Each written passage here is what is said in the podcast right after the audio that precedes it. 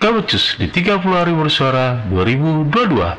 Episode ini adalah bagian dari tantangan 30 hari bersuara 2022 yang diselenggarakan komunitas The Podcasters Indonesia. Yuk ah, kuy.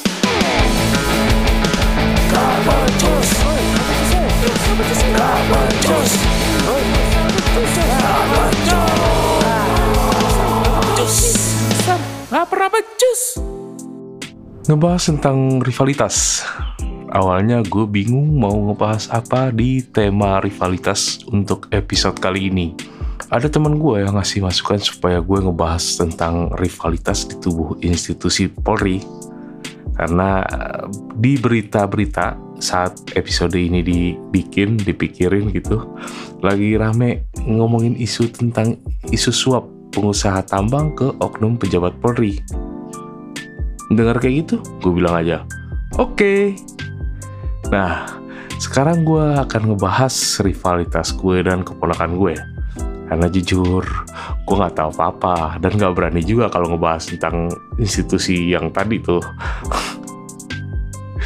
di antara beberapa ponakan yang gue punya sepertinya ada satu keponakan gue yang dia kayaknya sampai sekarang tuh masih memilih jalan hidup sebagai rival gue.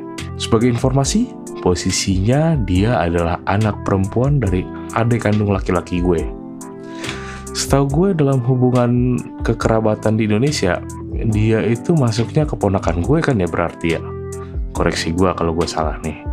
Tapi kalau dalam adat Batak, dia itu masuk ke boru gue juga.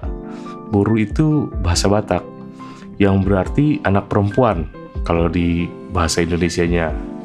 Jadi kalau diterjemahin secara langsung ke dalam bahasa Indonesia, dalam adat Batak dia juga anak perempuan gue. Dia manggil gue bapak tua atau uak gitu. Karena gue adalah abang kandung dari bokapnya. Namanya ini anak adalah Melody.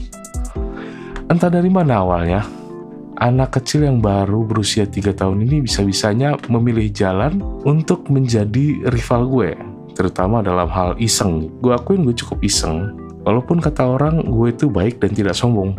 Kata orang lo ya, orang dalam. Kadang hari-hari gue tuh kerasa ada yang kurang gitu kalau misalkan gak ngisengin dia setiap dia lagi ada di rumah. Dan kayaknya dia juga gitu deh, tiap lagi ada di rumah ada aja isengnya ke gue gitu. Herannya si Melody ini punya senjata ampuh dalam ngisengin balik gue.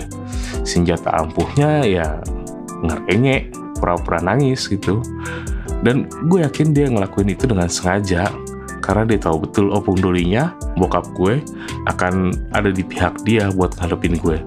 Dan gue pasti juga kan gak akan berani ngadepin balik. Daripada gue jadi batu ya kan? Ya namanya juga cucu kandung perempuan pertama, wajar lah kalau bokap gue ada di pihak dia.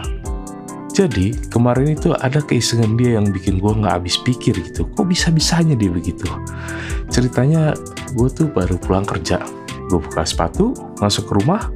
Di dalam kebetulan lagi ada dia tuh. Dia lagi main. Karena gue lihat dia lagi serius main dan gue lagi nggak ada niat iseng. Ya tadinya gue pengen lewatin gitu.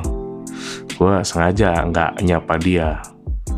Pas udah deket, dia lihat gue, gue juga lihat dia Eh tiba-tiba dia bilang, jangan wa, itu mainan aku, jangan dimainin. Pakai suara keras sambil ngerengek gitu. Udah dia ngomong gitu, gue langsung lihat bokap dong. Eh bokap gue juga nengok ke gue. Langsung gue bilang aja, dih, gua nggak ngapa-ngapain. Terus dia bilang lagi, udah, Ua naik atas saja ke kamar Ua kerja lagi gitu. Lo bayangin, dia umur 3 tahun, bisa ngusir gue gitu gue diusir sama anak balita bisa-bisanya itu anak tiba-tiba drama gitu ya ngeliat kayak gitu orang serumah langsung ketawa lah ngeliat kelakuan itu. Tapi walaupun gue sama Melody ini rival dalam keisengan kami tetap saling sayang. Kecil-kecil itu dia bisa tahu kalau gue lagi nggak mood untuk diisengin.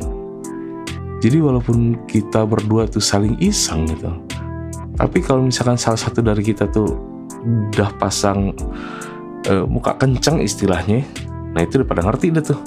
Nggak bakalan nggak bakalan saling iseng itu. Jadi walaupun kita saling iseng kita tetap saling sayang. Gue sayang dia dia sayang gue. Kayaknya mudah-mudahan ya. Gue yakin dia juga sayang sama gue. Soalnya waktu gue sakit dia suka kayak ngeliat gue tuh kayak muka khawatir gitu. Ah. Ah pokoknya gitu dah.